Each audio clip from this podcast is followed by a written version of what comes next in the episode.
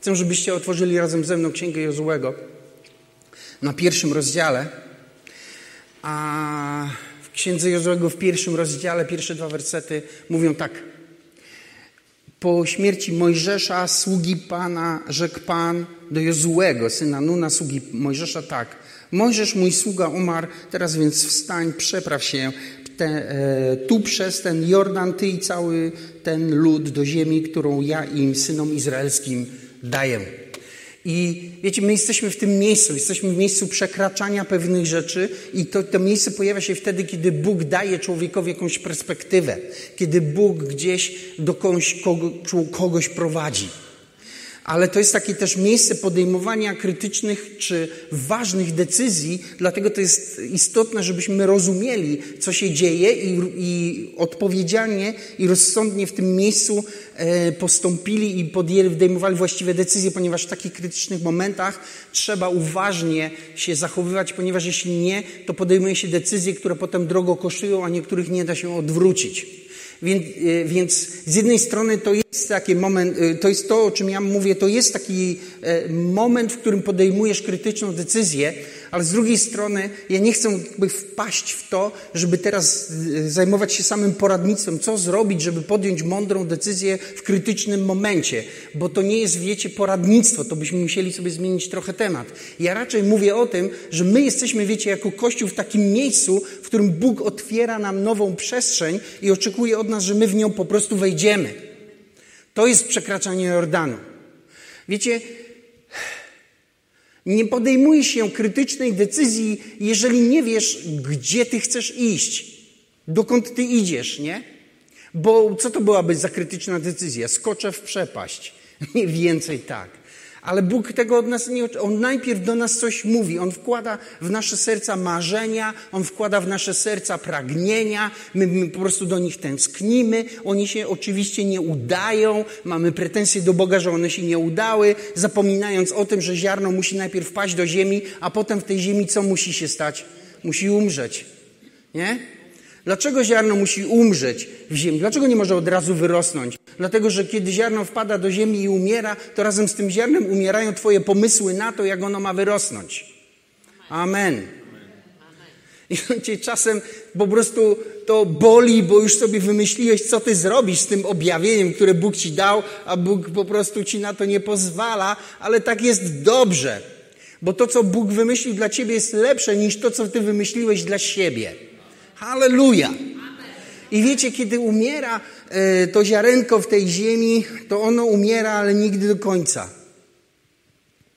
Tak? Umiera ta otoczka, a to, co jest w środku najważniejsze, tam dalej jest. Jeżeli Bóg ci coś dał, jeżeli Bóg cię do czegoś powołał, jeżeli Bóg powiedział ci, że czegoś od ciebie chce, to wiesz co? To tam jest. Dlatego ci tak męczy, dlaczego, dlatego o tym myślisz, dlatego do tego wracasz i nie wiesz, co z tym zrobić. I w pewnym momencie to się odzywa. I zaczyna w tobie rosnąć, zaczyna buzować, zaczynasz coraz więcej nabierać takiej ochoty na to, żeby, żeby to, to ziarno się, e, wiecie, rozwinęło, ale co? Nic nie możesz z tym zrobić to samo w tobie rośnie. Słowo Boże mówi się do, przepraszam, w Ewangelii Marka 4, że ziarno rośnie, a człowiek nawet nie wie jak.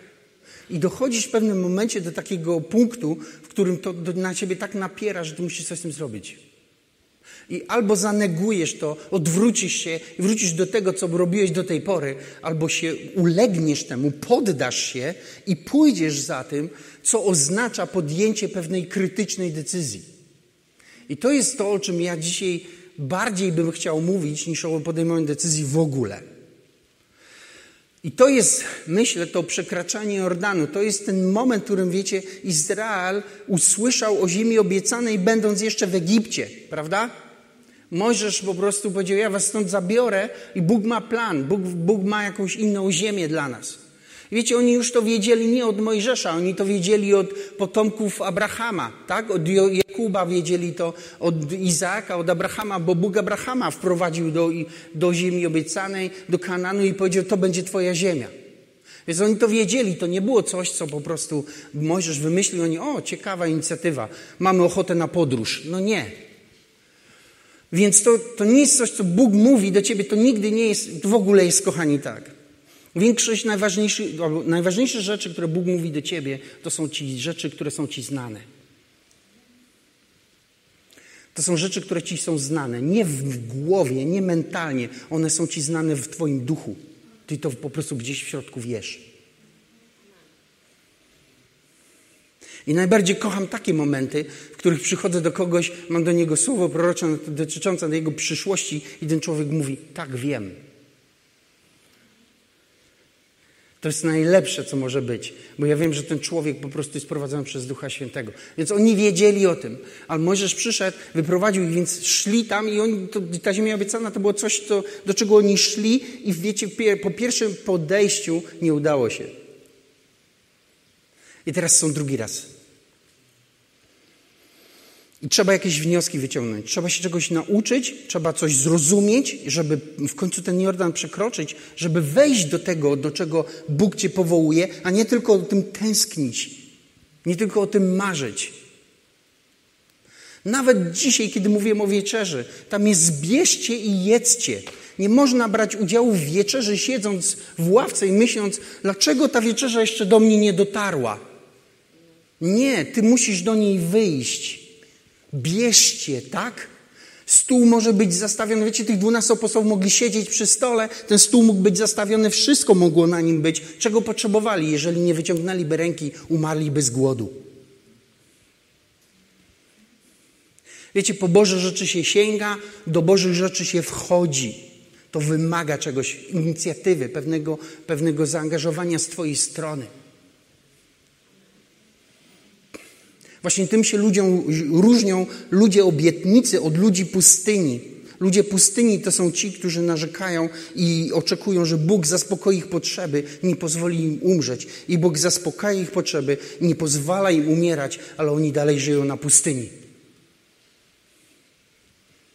Ludzie obietnicy uczą się tego, żeby sięgać po to, co Bóg im daje, a nie tylko na to czekać. A żeby tak było, musisz ty zrobić jakiś krok. I to, o czym chcę mówić, to jest to, co pomoże nam trochę te kroki robić. Wszystkiego na pewno nie, bo wiecie, e, musiałbym zacząć prorokować nad wami. Ale to są wskazówki ze Słowa Bożego, które pomogą nam, i to są wskazówki, które są sformatowane po to, żeby, żeby wspierać nasz duchowy rozwój. Ale wiecie, jak mówiłem w zeszłym tygodniu, kiedy Bóg mówi o swoich sprawach, to mówi też i o Twoich.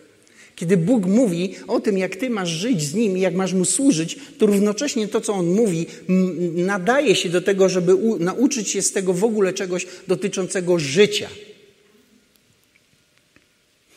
Więc y, uporządkujemy sobie parę tych rzeczy i mam nadzieję, że dzisiaj da się radę skończyć. Wiecie, pierwsza rzecz – Jezue stanął za, nad tym Jordanem. I pierwsza rzecz, o której on mu, którą musiał wiedzieć, to jest to, co go tutaj doprowadziło. I kiedy ty stoisz w pewnym momencie i masz podjąć jakąś krytyczną decyzję, ty powinieneś wiedzieć, co cię tu doprowadziło. I to odpowiedź na to musi być wola Boża, bo każda inna jest niebezpieczna. Widzisz, jeżeli cię doprowadziła do krytycznych decyzji frustracja, to to nie jest dobry przewodnik. Jeżeli desperacja, to to też nie jest dobry przewodnik. Amen? I to nie są jedyne rzeczy, które nas prowadzą. Słowo Boże w przypowieściach mówi, że głupota prowadzi człowieka na manowce. I czasami to po prostu mogą być moje, moje głupie myśli albo moje głupie postępowanie. Kiedyś pojechałem na Ukrainę, miałem na konferencji wygłosić jakiś wykład. No więc tam gdzieś pomyślałem sobie, że e, zrobię jakiś wstęp do tego wykładu, więc miałem tam chyba ze trzy sesje czy coś i na pierwszej zrobiłem taki wstęp. Między innymi zacytowałem ten fragment. Że czasami to głupota nas prowadzi na manowce, a wiecie, jaki jest drugi e, część tego fragmentu? A potem twoje serce wybucha gniewem na Pana. Więc popełnisz jakieś głupoty, popełnisz głupie decyzje, a potem jesteś zły, Boże, gdzieś Ty mnie zaprowadził. Tylko, że to nie Bóg Cię tam prowadził w ogóle. I wiecie, i tak coś takiego mówię. Skończyło się, jest przerwa, przychodzi do mnie jedna kobieta i mówi, słuchaj pastorze, dziękuję Ci za to słowo, bo ja zrozumiałem, że rzeczywiście to głupota mnie doprowadziła do tego miejsca, gdzie jestem. I wiecie, słuchałem jej i myślę sobie, trzeba być naprawdę dojrzałym, żeby stać się było na to, żeby coś takiego powiedzieć. Więc czasami to głupota prowadzi nas na manowce. Tak? Czasami to, czasami święty Paweł mówi, e, żebyście nie byli już dziećmi miotanymi e, i unoszonymi przez lada wiatr nauki na bezdroża błędu. Więc czasami to jest podatność. Jesteśmy podatni na różne rzeczy, na takie, to się nazywa wiatry nauki. Dzisiaj, wiecie, nauczamy, nie wiem o czym, o 5G, o tym, o tym. To są te rzeczy, które tak wieją, którymi są ludzie zajęci, które po prostu zajmują naszą duszę i nasze emocje. Gotowi jesteśmy się bić o to, gotowi jesteśmy się kłócić o te rzeczy, gotowi jesteśmy, wiecie, się podzielić z powodu tych rzeczy. A to są wiatry. Za rok, dwa, trzy z tych większości z tych rzeczy nie będzie już, to nie będą w ogóle tematem. A podziały zostaną. Słyszycie mnie? I my, wiecie, wiecie, kto ulega tym rzeczom? Dzieci. Dzieci, święty Paweł tak mówi, to dzieci są podatne na wiatry nauki. To dzieci, wiecie, są bujane, wiecie, teraz walczymy o to, teraz się sprzeciwiamy temu, teraz, wiecie, y, protestujemy przeciwko temu, a teraz ogłaszamy tamto. I bujamy się z wiatrami nauki, i kiedy wiatr przestaje wiać, nie wiemy już, co ze sobą robić. Wiecie, my nie mamy być prowadzeni przez wiatry, my mamy być prowadzeni przez Ducha Świętego. Amen? Więc musisz wiedzieć, czy to miejsce, do którego cię, do, w którym jesteś, co cię tam doprowadziło, co to jest i czy to jest wola Boża.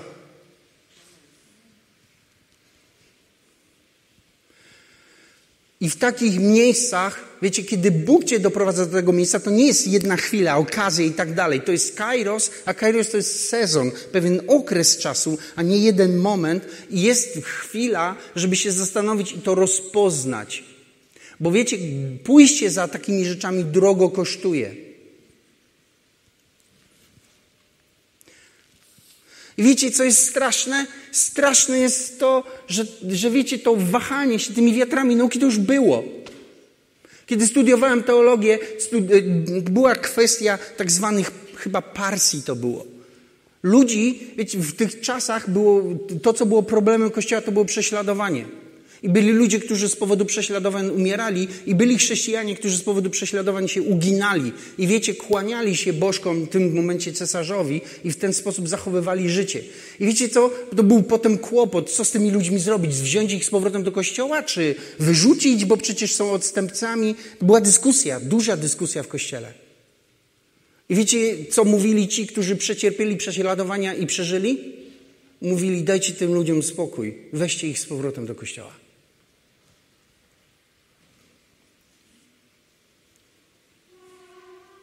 I mija ileś stuleci i my się dalej kłócimy. I są kościoły, które, wiecie, zastanawiają się nad tym, czy ci, którzy nie przyjmują szczepionek, to są po prostu, wiecie, odstępcy i głupcy i w ogóle. I są kościoły, w których uważają, że ci, którzy są zaszczepieni, to po prostu nie powinni mieć do, w, w kościele wstępu, bo przecież, nie wiem, znak bestii przyjęli czy coś. Wiecie, minie kilka do kilkunastu lat, ta kwestia się rozwiąże w jakiś sposób. Okaże się, że ci mieli rację, albo ci nie mieli, albo mieli rację jedni drudzy, albo nikt. Nie? Coś roz, rozwiąże się coś w jakiś sposób, ale ten podział, na który sobie pozwoliliśmy, zostanie. I to jest to, kiedy jesteśmy wodzeni wiatrami nauki i pozwalamy sobie na to, żeby pod, na podstawie wiatrów nauki podejmować krytyczne decyzje. Z tymi nie będę już rozmawiać, tamtych nie będę już uważał za chrześcijan. Więc musisz wiedzieć, co cię do tego miejsca doprowadziło. I to musi być wola Boża.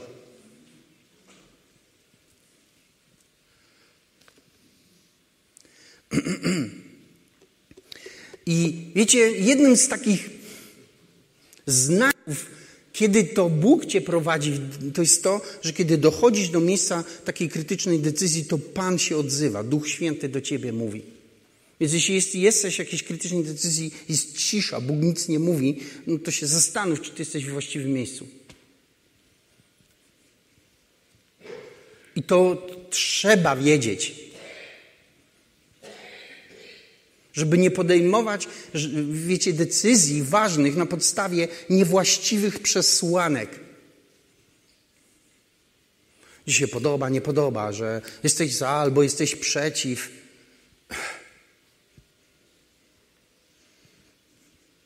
Jezue kiedyś stanął, to było później, chwilę później. Mieli do zdobycia Jericho.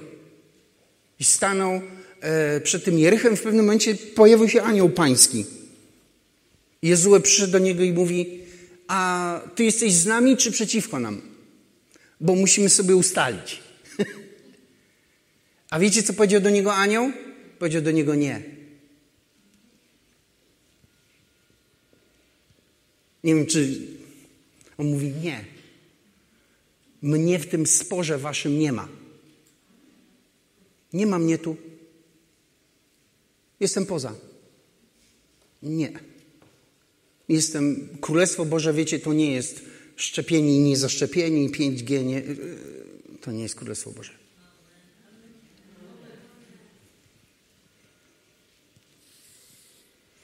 Królestwu Bożym chodzi o to, żebyśmy my doprowadzali do tego, żeby ludzie poznawali Jezusa. Amen? A przez nasze kłótnie, nie wiem, o szczepionkach czy o innych rzeczach, które dzisiaj są wiatrem nauki, ludzie Jezusa nie poznają. Poznają tylko jedną rzecz, że umiemy się kłócić o byle co.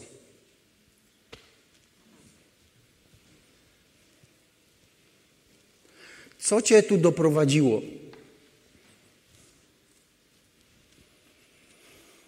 Powinieneś to rozważyć. Druga rzecz to jest taka, że w tej decyzji nigdy nie jesteś sam. A mówię to dlatego, że większość z nas czuje się samotna. To jest to, co Charlie Chaplin powiedział, że na najważniejszych rozdrożach w życiu nie ma drogowskazów. Tak, że jesteś sam, nie ma komu ci powiedzieć, nie ma ci komu, to nieprawda. To jest tylko tak, że może tego nie słyszysz albo nie widzisz tych ludzi, którzy są wokół ciebie, a oni są.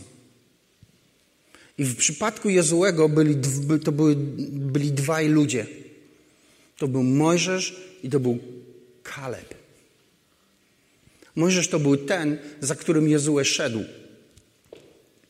I, a, I Mojżesz to był ten, który przyszedł z tą wieścią, teraz jest czas, pora wyjść z Egiptu i po prostu dojść do ziemi obiecanej. I oni posłuchali Mojżesza i poszli. Teraz Mojżesz, mój sługa, umarł, Słowo Boże mówi, więc teraz ty. Nie?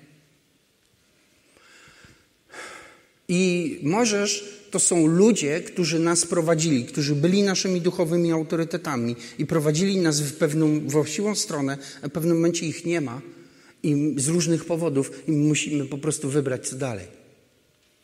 Teraz tak, dlaczego Mojżesz nie wszedł? Bo zaraz y, powiemy sobie o, o roli tego, ludzi typu Mojżesz. Dlaczego Mojżesz nie wszedł? Mojżesz nie wszedł dlatego, że e, zrobił jedną rzecz, której nie powinien w ogóle zrobić. To była historia, kiedy Izrael był spragniony i potrzebował wody, i Bóg powiedział do Mojżesza: Postaniesz do, przed tą skałą, przemówisz do tej skały. A Mojżesz e, powiedział do Izraela: Co, myślicie, że, wy nie, że nie jesteśmy w stanie dać wam wody? I wziął swoją laskę i uderzył w skałę, i ze skały popłynęła woda. ale Bóg powiedział, że z tego powodu nie wejdziesz do ziemi obiecanej. I można było sobie pomyśleć, o co chodzi? No więc, wiecie o co chodzi? Psalm mówi, że po pierwsze Mojżesz wypowiedział nierozważne słowa. Dwa, wiecie o co chodzi? Chodzi o to, że Mojżesz popełnił ten błąd, który polegał na tym, że polegał bardziej na swoim doświadczeniu niż na Bożym prowadzeniu. Bo jego doświadczenie mówiło o tym, żeby. Może zamknąć te okna? I może włączmy te dmuchawy, bo one są wyłączone. Janusz, możesz włączyć? Zielonym. O. E... Nie możesz polegać na doświadczeniu, kiedy Bóg cię prowadzi. Dlatego, że Twoje doświadczenie będzie czasami stawało przeciwko Bożemu prowadzeniu. Bo Bóg nie prowadzi zawsze tak samo. Bóg prowadzi różnie. Raz prowadzi w ten sposób, raz prowadzi inaczej. I Mojżesz za pierwszym razem Bóg kazał mu uderzyć w skałę, za drugim razem kazał mu przemówić do skały, a Mojżesz zamiast przemówić to uderzył. Więc polegał na swoim doświadczeniu, to jest jedna rzecz i to było takie wypowiedzenie posłuszeństwa prowadzeniu Bożemu. I dwa, polegał na własnych możliwościach. Ja po prostu to zrobię, bo wiecie, łatwiej jest uderzyć w skałę niż do niej przemówić, nie? I trzy, Mojżesz to zrobił dlatego, że nie poradził sobie z presją tłumu. I wiecie, można sobie powiedzieć, o co to, no to dużo jest. Wiecie, kiedy, kiedy przychodzi większa służba i masz większy wpływ, to presja też rośnie. I razem z nią rośnie presja na to, że skoro jesteś e, skuteczny i przynosisz odpowiedzi dla, dla, dla życia ludzi, no to rób to. I przychodzi presja, bo pojawia się kolejny problem, nie wiesz jak na to zareagować, reagujesz po swojemu. Wiecie, Słowo Boże mówi liście do Hebrajczyków, że my mamy, patrząc na bohaterów wiary, naśladować ich wiarę, przyglądając się końcowi ich życia. I to jest to, do czego ja zmierzam, że jeżeli mamy bohaterów wiary, jeżeli mamy ludzi, którzy są dla nas inspiracją, e, i mam na myśli ludzi bożych, tak? To my, to co mamy robić, to mamy patrzeć, jak oni zakończyli swoje życie i mamy naśladować ich wiarę, a niekoniecznie ich uczynki. Amen? Bo wiecie, e, my w uczynkach to mamy Jezusa naśladować. A tych, którzy są dla nas przykładem wiary, to mamy przykładem i zachętą, to mamy ich wiarę naśladować, bo my chodzimy w wierze. Amen? I wiecie, dlatego możesz nie wszedł. I pytanie, dlaczego w takim razie możesz nie wszedł, ale Kaleb wszedł. Dlaczego Kaleb wszedł do ziemi obiecanej? Dlatego, że Słowo Boże mówi o tym, też nie chcę tego wszystkiego już otwierać, ale Słowo Boże mówi o tym, że Kaleb i Jozue, dobra, było dwunastu zwiadowców, tak? Których możesz wysłał do ziemi obiecanej. Oni wrócili i możesz kazał im, wiecie, e, złożyć raport. No więc z tych dwunastu, dziesięciu powiedziało tak, nie no, ziemia jest fantastyczna, bo na jednym drągu we dwójkę przynieśliśmy kiść winogron, więc ziemia jest fantastyczna, mlekiem i miodem i w ogóle ekstra, ale... I widzisz, zawsze jest jakieś ale. Słyszycie mnie? Zawsze jest jakieś ale. Jeżeli myślisz, że Twój następny krok i Twoje następne miejsce, w którym będziesz, do którego Cię Bóg prowadzi, to będzie po prostu miejsce takiej idylicznej szczęśliwości, kiedy będziesz chodzić i brodzić w płatkach róż, a aniołowie będą Ci usuwać wszystkie przeszkody, to obudź się. Nie, nie będzie tak. Zawsze jest jakieś ale. I oni mówią, ale tam są olbrzymy. I wiecie, rozdźwięk pojawił się nie w tym miejscu, bo do tego, tego miejsca to była jakaś relacja. Rozdźwięk pojawił się w tym miejscu, w którym nastąpiła ocena sytuacji. Bo tych dziesięciu mówiło, tych, to są, tam są olbrzymi, tacy wielcy są, że my przy nich wyglądaliśmy jak szarańcza. A tych dwóch mówiło, ludzie, co wy robicie? Jak my tam wejdziemy, to pokonamy ich, bo Bóg jest z nami. I wiecie, to jest drugi rodzaj ludzi, którzy są w Twoim życiu. Ludzi, którzy są doradcami. Słowo Boże mówi, że gdzie jest wielu doradców, tam jest powodzenie. Amen? Ale myślę sobie, że szkoda, że tam nie jest dopisane dobrych.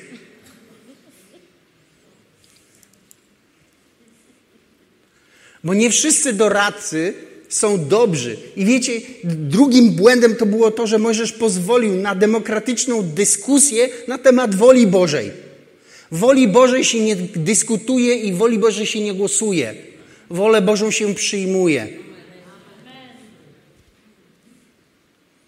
I wiecie, oni wprowadzili, wiecie, cały ten zgromadzenie w taki strach, że ludzie powiedzieli, nie, nie, no way, nie wchodzimy tam. Więc co? Spędzili 40 lat na pustyni i większość z nich poginęła, jak mówi Słowo Boże w Nowym Testamencie. Czym się różniło tych dwóch od tych dziesięciu? Słowo Boże mówili, że oni byli innego ducha. Wiecie, nie chodziło o to, że oni mieli pozytywną postawę. Możesz mieć pozytywną postawę i zginąć. Nie, nie, nie, nie. Chodziło o to, że oni byli innego ducha. W nich działał Duch Boży. Duch Święty w nich był i Duch Święty przez nich mówił. Dlatego oni mieli wiarę, mówili: Bóg jest z nami, pokonamy ich. I wiecie, to nie było takie pocieszanie chrześcijańskie: Nie martw się, nie będzie tak źle, Bóg cię przez to przeprowadzi. Najwyżej stracisz nogę, ale. Nie, nie, nie, nie, nie, nie, nie, nie. nie. To był inny duch. To był duch, który swoją nadzieję i przekonania czerpał z Ducha Świętego, a nie, wiecie, z nadziei, którą w sobie nosił. Więc druga rzecz to są ludzie, którzy są wokół ciebie. I są ludzie, którzy cię doprowadzili do tego miejsca, są bohaterami wiary, ale jak każdy z nich, to bohaterowie wiary mają rzeczy, które w dokonaniu są fantastyczne i niesamowite, i są rzeczy, które po prostu lepiej ich nie naśladować. Im Biblia mówi, że mam naśladować ich wiarę, a nie ich uczynki, i tego trzeba się nauczyć. A druga to są ci, którzy są z nami. I powinniśmy uważać, kto nam doradza. Powinniśmy uważać, kto nam doradza. I nie chodzi o to, co do nas mówią, ale z jakiego ducha to do nas mówią.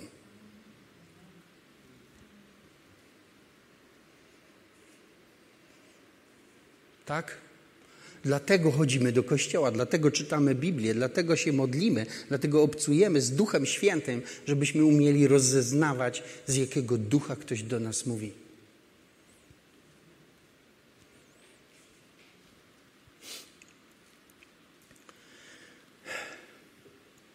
I kolejna rzecz to jest to, jak tu już jesteś w tym miejscu, to musisz pewne rzeczy pożegnać. Nie da się wchodzić do nowych rzeczy, zabierając ze sobą stare. Jeżeli chcesz wejść do ziemi obiecanej, to musisz się pożegnać z Egiptem. Tak? I wiecie, dla niektórych ludzi Egipt jest wymówką. Egipt w Słowie Bożym to jest życie w świecie. Życie tam, wiecie, bez, bez Boga. I dla niektórych ludzi to jest wymówka. A wiesz, ja tyle przeżyłem w moim życiu, że nie dam rady. Ja mnie tak życie zniszczyło, że po prostu się nie da. I po prostu i tak dalej, i tak dalej, i tak dalej. Słuchajcie, powiem wam coś. Może się obrazicie na mnie, a mam nadzieję, że nie. Każdy ma swoją traumę. Tak? Słyszycie? Każdy ma. Większość z was znam i wiem, że każdy z was jakąś traumę przeżył w życiu. Większą lub mniejszą a niektórzy z Was dalej przeżywają. I Kościół nie jest miejscem, w którym się przed Bogiem licytujemy, kto ma większą traumę. Kościół to jest miejsce, w którym my je przynosimy przed Boga. I pozwalamy na to, żeby nas uzdrowił, uleczył i natchnął nadzieją. Amen? I wiecie, nasza przeszłość nie może być naszą wymówką. A wiesz, jak całe życie byłem nieśmiały, to ja już będę do końca życia nieśmiały, więc mi nie proś tam, nigdzie nie wyjdę do żadnej modlitwy, nic nie będę żadnej grupy domowej prowadził. To jest, wiecie, wymówki. Są wymówki, które my po prostu, których my używamy, cofając się do Egiptu i w, tej, w, tym, w tym sensie nie różnimy się od Żydów, którzy mówili, a tam w tym Egipcie było lepiej, bo przynajmniej było co jeść. I wiecie, to jest ważne. Jeżeli nie pożegnasz swojej przeszłości, to ona cię będzie gonić. Ona będzie do ciebie przychodzić i będzie cię okradać. Będzie cały czas do ciebie, a byłaś tak, byłeś taki i byłeś taki i to robiłeś i tamto robiłeś. A jak nie pamiętasz, to ci jeszcze przypomnę, że to też. I chcecie wiedzieć, kto to do nas mówi? Diabeł do nas to mówi. Biblia mówi, że Bóg oddala nasze grzechy jak wschód od zachodu. Amen? A wiecie, co to znaczy? Czy nie? Że o jak wschód od zachodu. Widzieliście kiedyś wschód i zachód jednocześnie? Albo oglądasz wschód, albo zachód. Albo oglądasz swoją przeszłość i rzeczy, które źle zrobiłeś, albo oglądasz swoją przyszłość z Bogiem.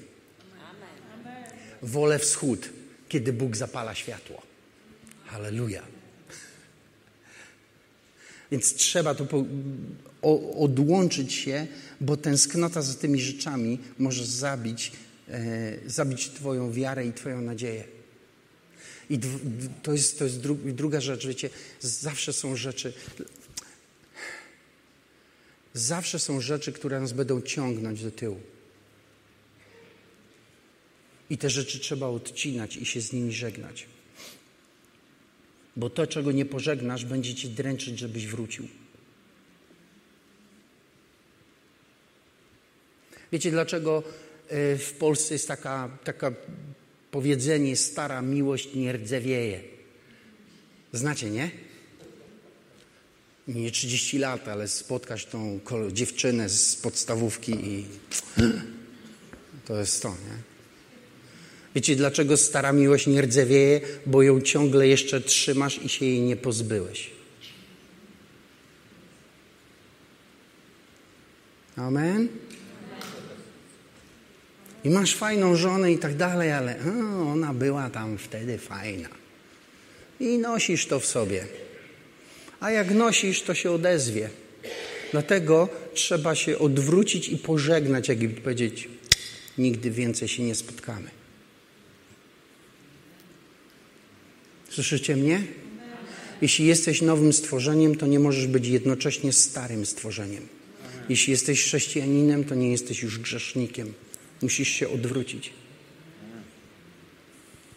I coś pożegnać, tak? A nie wiecie. A ja zawsze byłem nerwowy. No to co z tego? Co z tego? To się zmień. Amen? A nie, zawsze byłem nerwowy, wiecie. Co to za po prostu... Nie, nie może być miejsca na to w chrześcijaństwie. Rozumiecie dlaczego? Bo to jest precedens, to jest wyjątek. Jeżeli dzisiaj powiemy, a dobra, no zawsze byłeś nerwowy, trudno, okej, okay, rozumiemy to, to przyjdzie któregoś dnia do kościoła i człowiek powie, wiecie, ja zawsze kradłem, więc uważajcie. No co zrobię, no taki odruch. nie, nie, nie, nie. Przychodzisz do Jezusa i Jezus cię zmienia. Stajesz się nowym stworzeniem, tak? I odwracasz się od tego, co było i idziesz do tego, co ma być. I nie możesz tęsknić, ale kiedyś było dobrze. Tak, było tak dobrze, że zwiałeś stamtąd. Nie, to diabeł cię okłamuje. Wiecie, idealizowanie przeszłości, mówiłem o tym w zeszłym tygodniu. Myślę, że wiecie, jest mnóstwo ludzi, którzy chcą odciąć od swojej przeszłości, ale tak naprawdę jedynym, który to potrafi zrobić, to jest człowiek, który się narodził na nowo. Bo jeżeli się urodziłeś na nowo, drugi raz w Jezusie Chrystusie, to jesteś innym człowiekiem i dlatego jesteś w stanie odciąć się od e, swojej przeszłości i powiedzieć: nie, Ja już nie jestem taki jestem inny, bo Bóg mnie zrodził i jestem innym człowiekiem. Więc trzeba po prostu się z tym Egiptem pożegnać. I musisz się też odwrócić od pustyni. To jest to, o czym mówiłem w zeszłym tygodniu. Od tego, wiecie, Od tego całej tej sknoty do tego, że, że Bóg działał, że były znaki, że były cuda, żeby coś tam. Wiecie, te wszystkie rzeczy, które Bóg robił z Tobą, były po to, żeby Cię doprowadzić do miejsca decyzji, wejścia w Twoje powołanie, a nie po to, żebyś tym żył całe życie. Słyszycie mnie? To jest ważne. Tak, Bóg Cię prowadził, tak, był obłok i był ogień, tak, były znaki, było naturalne karmienie i zaspokojenie Twoich potrzeb, tak, to wszystko prawda, ale pustynia to jest próba, a nie styl życia. To nie jest to, do czego Bóg Cię prowadzi.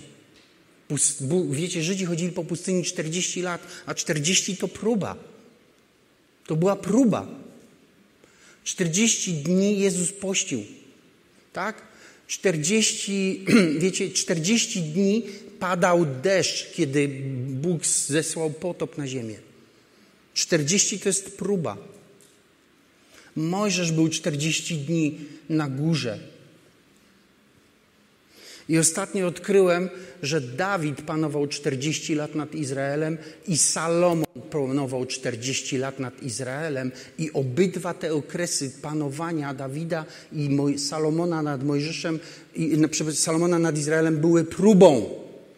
Były próbą dla Izraela, tego, czy oni uznają Chrystusa za króla, Boga za króla, czy będą szukać ludzkiego króla. I po tych dwukrotnej próbie Żydzi dalej chcieli ludzkiego króla. I co się nastąpiło? Syn Salomona doprowadził do podziału 40 to próba i pustynia to próba. I te rzeczy, przez które Bóg Cię przeprowadził, które Ci pokazywał, to tak naprawdę nie były po to, żebyś tak żył, żebyś myślał, że to jest Twoje życie. Nie, to były rzeczy, które Ci miały pokazać, że Bóg ma moc i ma władzę nad Twoim życiem i doprowadzić do miejsca decyzji. Dobrze, ja wejdę w Twoje powołanie. I trzeba się z pustynią pożegnać. No to co, to już nigdy nie będę doświadczał y, znaków, cudów i tak dalej. Będziesz, ale inaczej. I o to chodzi. Chodzi o to, żebyś ty, kiedy wchodzisz w swoje powołanie, zrozumiał, że cuda i znaki są narzędziem, a nie celem. Ewangelia Marka, 16 rozdział mówi do nas, że te znaki będą towarzyszyć tym, którzy uwierzyli. Idźcie na cały świat i głoście Ewangelię wszelkiemu stworzeniu. Te znaki będą towarzyszyć tym, którzy uwierzyli. Wiecie, Bóg chce, żeby znaki i cuda towarzyszyły nam, ale one mają nam towarzyszyć dlatego, że my uwierzyliśmy Jezusowi, że my idziemy z Ewangelią. To jest ich cel.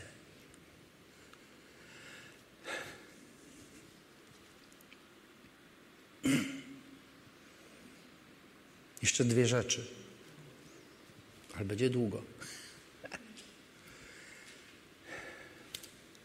Po śmierci Mojżesza Bóg przemówił do Jozuego, pamiętacie? I w tym miejscu, w którym krytycznej decyzji Bóg się zawsze odezwie i przemówi do ciebie. Kiedy dokończy się pewien sezon i etap, Bóg przyjdzie z nowym słowem. I my mamy przyjąć słowo, które Bóg do nas mówi. To jest nowe słowo. I my musimy być gotowi nowe rzeczy usłyszeć od Boga. Wiecie, my ciągle chcemy usłyszeć stare rzeczy, te, które już znamy. Ale jest Bóg jest Bogiem, który, wiecie, odnawia ziemię, tak? Bóg jest Bogiem, którego łaska co dzień, dzień jest nowa i świeża, tak? Mówi do nas chyba, e, nie wiem, treny, tak? Jeremiasza. Więc to znaczy, że to słowo, które Bóg wysyła, będzie nowym słowem i ty masz je przyjąć. I ja celowo mówię przyjąć, i ja nie mówię szukać go, nie musisz szukać słowa. Wiecie, słowo jest blisko ciebie zawsze. List do Rzymian, dziesiąty rozdział mówi tak: Nie mów w swoim sercu, kto wstąpi do nieba, albo ani nie mów w swoim sercu, kto wstąpi do otchłani. Tak, do nieba, żeby Chrystusa ściągnąć z góry na dół i niech do nas mówi. Ani do otchłani, żeby Chrystusa wyciągnąć z otchłani do góry, żeby do nas mówił. Nie mów takich rzeczy. Dlaczego święty Paweł mówi nie mów takich rzeczy? No bo on mówi później, tłumaczy się i mówi, bo blisko Ciebie jest Słowo. I dzisiaj chcę, żebyście to usłyszeli. Słowo od Boga do Twojego życia jest blisko Ciebie. Jest blisko Ciebie. I list do Rzymian mówi, że Słowo Boże jest blisko Ciebie, na ustach Twoich i w Twoim sercu. I to jest słowo wiary. Wiecie, Bóg, kiedy przychodzi, będzie pobudzał Twoją wiarę.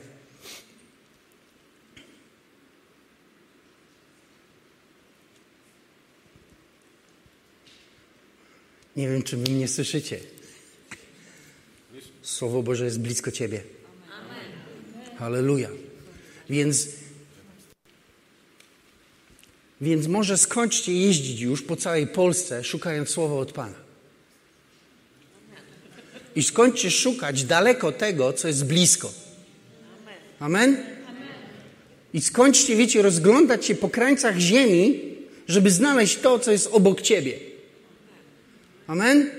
Gdzie Bóg nie powoła nas do tego, żebyśmy teraz przeszukiwali całą ziemię i niebo. Gdzie ten Pan przemawia? Gdzie On teraz działa? Co się dzieje? I gdzie się dzieje? I tu, wiecie, upolujemy bilety, tu konferencja jest. I po prostu zajechałeś. Kurczę, skończyło się trzy dni temu. Albo jedziesz, jesteś już na tym miejscu, a jakoś to nie dla mnie. I jeździsz, i szukasz, i wiecie co? Marnujesz swój czas, pieniądze, wysiłek i tak dalej po to, żeby zrozumieć któregoś dnia, że to, co najważniejsze dla Twojego życia jest blisko. Halleluja. I to chcę, żebyście usłyszeli ode mnie. Blisko Ciebie jest słowo. Nie szukaj go nie wiadomo gdzie. Ty się po prostu zatrzymaj. Amen. Amen? Wiecie, ja mam wrażenie czasami, że my się mówimy, Panie, przemów do mnie. I idziemy, robimy coś i Bóg mówi, dobra, no to poczekaj, dogonię cię i Bóg cię goni, a ty znowu, Boże, i lecisz. I tak lecisz, a Bóg biega za tobą, a ty, wiecie, za nim i tak się szukacie nawzajem. Zatrzymaj się i pozwól, żeby cię dogoniła Boża obecność. Halleluja. Amen? Bóg mówi, że Słowo jest blisko jest blisko Ciebie. Tak, słyszycie to słowo? Blisko Ciebie, nie blisko Twojego sąsiada. O, koło pastora to zawsze blisko jest, ale ja to tak, jakoś tak trochę dalej, ze trzy rzędy jestem. Ale nie, to nigdy tak nie było. To jest, wiecie, religijne myślenie, że są lepsi i gorsi. Słowo Boże mówi, że my wszyscy jesteśmy kapłanami i królami. Amen? Więc nie ma, wiecie, podziału w kościołach takich jak nasz na, na laikat i na duchowieństwo. Są usługujący, których Pan powołał i są ci, którzy jeszcze nie wiedzą, że są powołani. Taki jest podział. Amen. Więc do ciebie kiedyś też to dotrze, że Bóg cię powołał i zobaczysz. Słowo będzie blisko ciebie. Halleluja. Więc się zatrzymaj i posłuchaj i usłyszysz. Na pewno. Wiecie, słuchałem ostatnio trochę ludzi, którzy prorokują. Wszyscy mówią to samo, to jest śmieszne.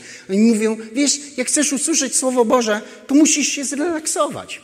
Musisz się położyć, tak jakoś ten, nic nie robić, golić się, myć albo coś takiego, nie? Widzę, że kiwacie głowami.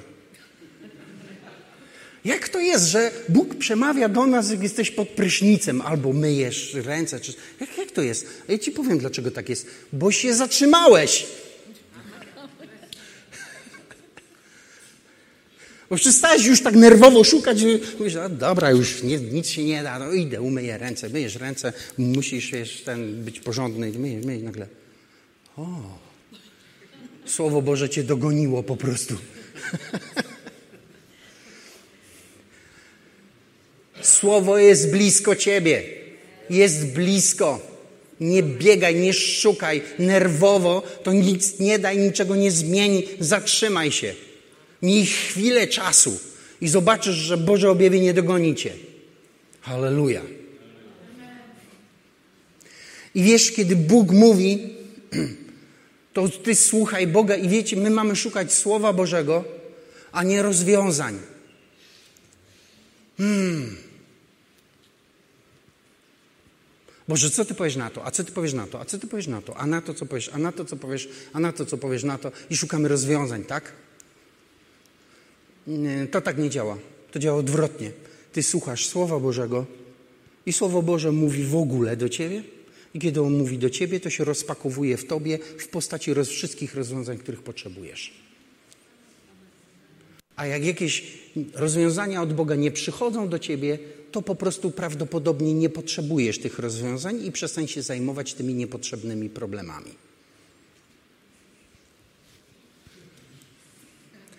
Tak? Są rzeczy, którymi się zajmujecie i nie powinniście się nimi zajmować, bo nie należą do Was.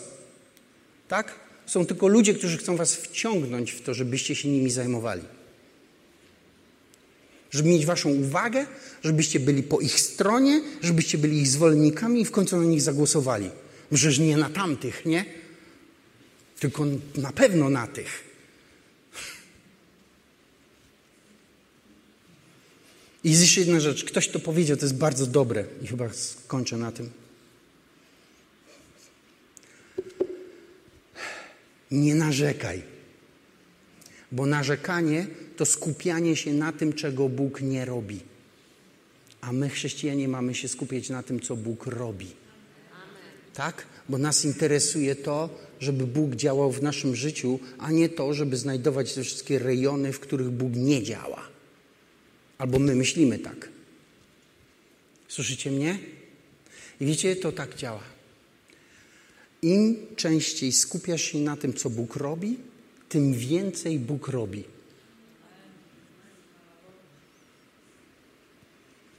Bo karmisz swoją wiarę i swoje zaufanie do Boga i zaczynają ci się oczy otwierać i widzisz więcej. Im bardziej skupiasz się na tym, co, czym Bóg, Bóg nie robi, tym więcej tych obszarów widzisz i tym twoja niewiara rośnie i jesteś coraz bardziej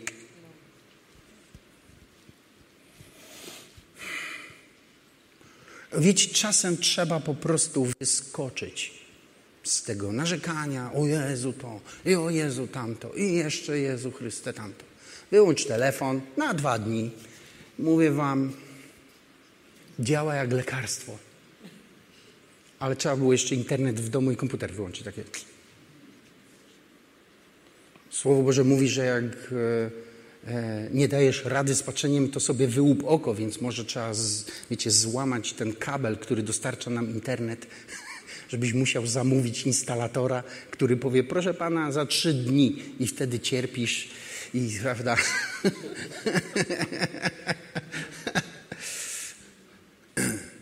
Syndromy od, poodstawiennicze zaczynają działać w tobie. Nie? Wiecie, już jest choroba, że takie odstawienie od informacji to już jest choroba zdefiniowana przez psychologów. Ale widzisz, kiedy się od tego odłączysz, i zatrzymasz się na chwilę, Słowo Boże dotrze do ciebie, bo jest blisko. Jest blisko. I zatrzymasz się i usłyszysz je. Bóg przemówi do ciebie przez Ducha Świętego. I to jest to słowo, które Ci jest potrzebne, to jest to słowo, które zostało wyrażone przez, przez Pismo Święte, że po śmierci Mojżesza Bóg przemówił do Jozułego. Teraz Ty. Ech, chyba muszę się tu zatrzymać, bo już tak za długo mówię. Pogadamy sobie za tydzień o tym teraz ty. Bo wiecie, na każdego jest pora i na nas też jest pora. Znaczy nie, że pora, że już musimy umrzeć. To nie, to nie, nie, nie o tym nie mówię. Mówię o tym, że jest pora dla każdego z nas, kiedy przychodzi od Boga takie prowadzenie i wchodzimy w nasze powołanie. I wiecie, Bóg powiedział do, do Jozułego, Mojżesz umarł, a potem powiedział do niego, teraz ty. I wiecie, chciałbym, żebyście to usłyszeli, że teraz wy. Że teraz pora na ciebie. I mam nadzieję na mnie. na nas. Ale to myślę, że muszę to przełożyć na za tydzień. Chyba się rozgadałem trochę. Powstańmy.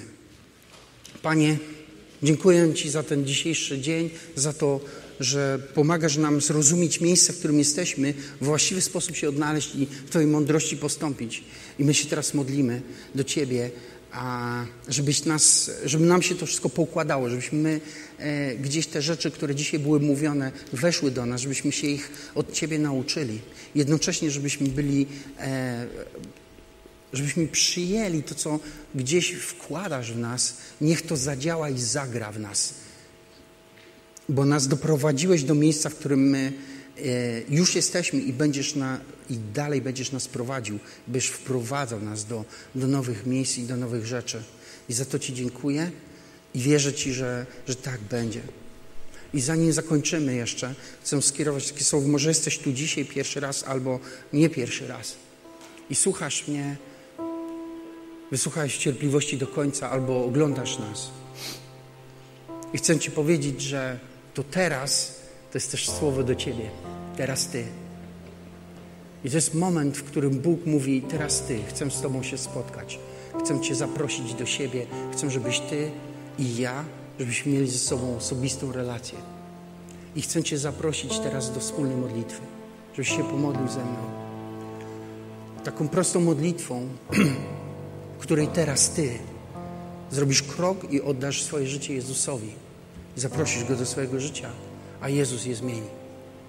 Bo On jest tym, który zmienia życie ludzi. I trzeba zrobić taki krok, krok wiary. Uwierzyć, że Bóg jest tutaj i jest na tyle blisko, żeby kiedy będziesz mówić, żeby Cię usłyszał. I Bóg jest tutaj i jest blisko. I On chce Cię usłyszeć. I chcę zaproponować Ci wspólną modlitwę. Razem będziemy się modlić i Bóg dotknie Twojego serca i zmieni Cię. I będziesz innym człowiekiem i odmieni Twój los, odmieni Twoje życie, dlatego, że Go do Niego wpuścisz.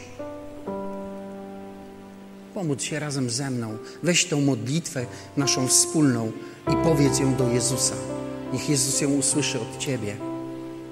I kiedy skończymy, Bóg sprawi, że będziesz innym człowiekiem. Narodzisz się na nowo, zostaniesz zrodzony drugi raz. Pomódlmy się razem. Panie Jezu, wierzę, że umarłeś za moje grzechy i za całe moje stare życie i składam je teraz w Twoje ręce. Zapraszam Cię, wejdź do, moje, wejdź do mojego serca i zamieszkaj na zawsze. Wyznaję, że jesteś moim Panem i Zbawicielem. Będę Cię naśladować, będę za Tobą podążać. Będę się od Ciebie uczyć przez resztę moich dni. Amen. Jeśli modliłeś się modlitwą tą pierwszy raz, Bóg usłyszał Cię i Duch Święty dotknął Twojego serca i jesteś nowym stworzeniem. A, I zapraszam Cię, jeśli tylko chcesz, podejdź do mnie po nabożeństwie i ja pomogę Ci, tak jak potrafię, zrozumieć, co się z Tobą stało, odnaleźć Cię w tym nowym miejscu bo Bóg rozpoczął nowy rozdział w Twoim życiu. Właśnie teraz, właśnie w tym momencie. Amen. Oddajmy Bogu chwałę.